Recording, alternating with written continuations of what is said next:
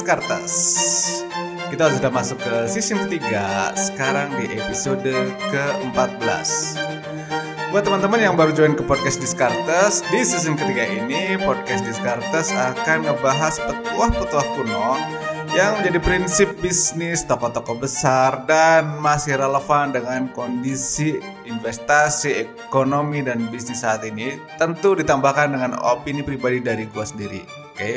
Untuk episode 14 gue akan sharing salah satu mindset yang dipelajari tentang kekayaan tapi nampaknya ada kekeliruan dalam campaign yang ada saat ini.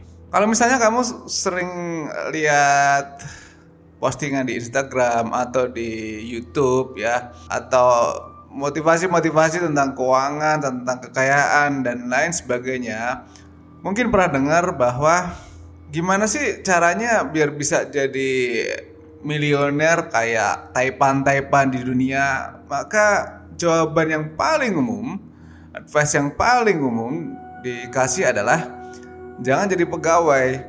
Kamu harus bikin usaha atau punya usaha sendiri. Menurut gua ada yang harus dibenarkan dari advice tadi. Memang sih nggak ada salahnya dengan wejangan tadi, nggak ada salahnya. Karena memang mayoritas konglomerat di dunia ini adalah orang yang memiliki bisnis, memiliki usaha dan mereka membangunnya dari nol.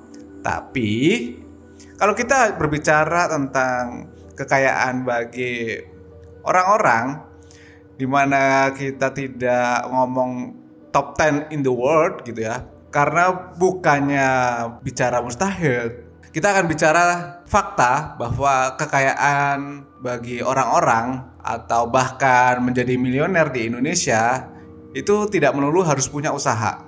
Tidak melulu harus membangun bisnis dari nol. Nope. Ya selain jadi anak orang kaya ada cara yang masuk akal. Karena faktanya ada juga pegawai karyawan yang memiliki kekayaan besar di dunia, di Indonesia. Gua kenal salah satu temen dan dia meniti karir dari karyawan biasa, staf biasa sampai sekarang menjadi salah satu top management ya, satu level di bawah si level dan gajinya tiga digit. Jadi kalau setahun udah kelihatan ya lebih dari 1 M.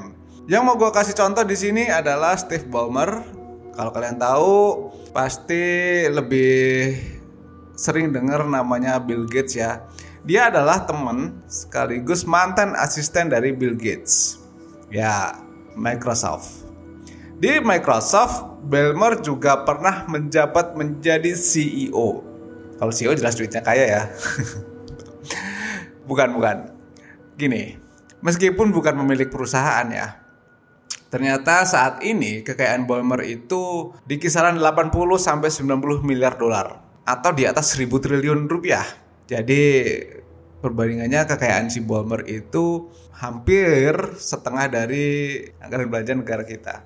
Terus gimana sih si Steve Ballmer itu bisa kaya seperti sekarang? Kisahnya ternyata si Ballmer itu kaya karena tidak lepas dari kemampuan dia dalam mengolah uang yang diterimanya sejak menjadi karyawan di Microsoft dari tahun 1980 sampai pensiun pada tahun 2014. Dalam beberapa kesempatan, Balmer yang lahir di Detroit bilang kalau gaji pertamanya di Microsoft itu udah lumayan gede ya sebagai manajer bisnis sekitar 5000 US dollar. Kalau diperbandingkan mungkin sekarang setara dengan 17.000 dolar.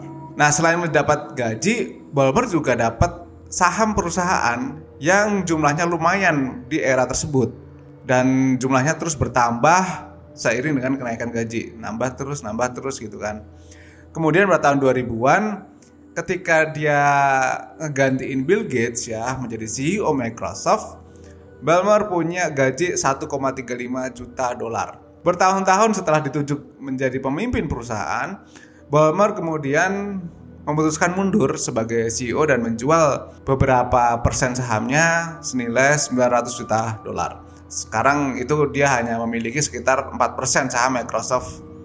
Ya, nilainya jelas gede ya. Sekarang kisaran di atas 3 miliar dolar. Selain dari penjualan saham Microsoft, Balmer juga dapat income dari dividen perusahaan itu sekitar 4,5 miliar dolar. Nah, penghasilan itu yang bikin melejit tuh dia punya net worth gitu kan. Buat gue, Belmer ini bisa sekaya sekarang karena memang sukses memimpin perusahaan. Kecerdasannya itu nggak diragukan lagi lah. Dia bisa ngurus Microsoft yang segitu gedenya.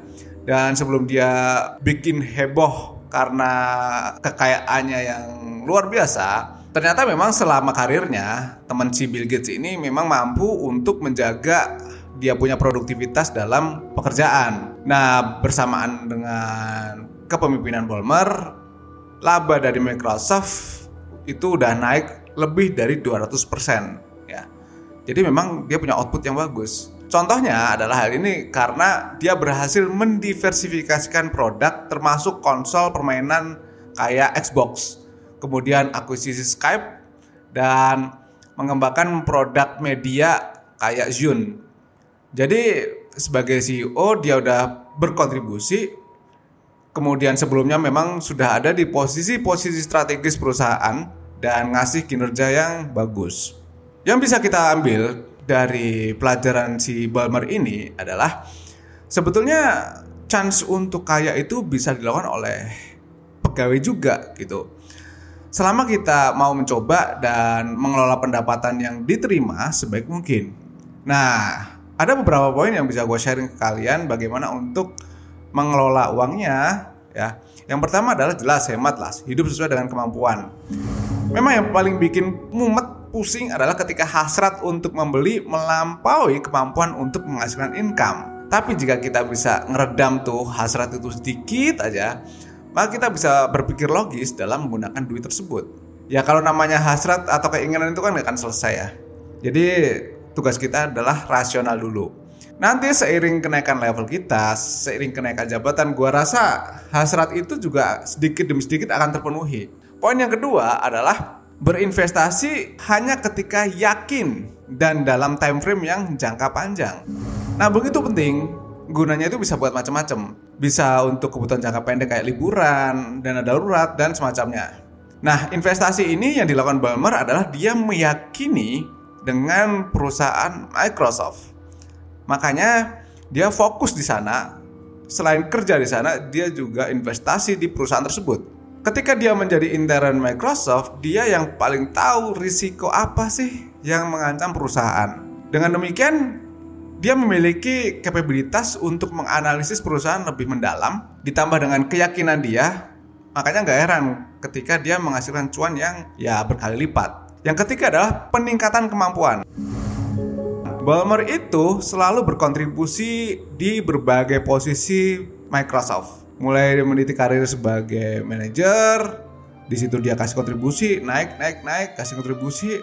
Kemudian sebagai CEO dia berhasil membawa Microsoft untung besar. Nggak mungkin kalau tanpa skill. Makanya buat kita, upgrade skill jangan sampai dilupakan. Selain mengembangkan aset, kemampuan juga perlu ditingkatkan. Memang hasilnya nggak langsung tampak pada isi kantong.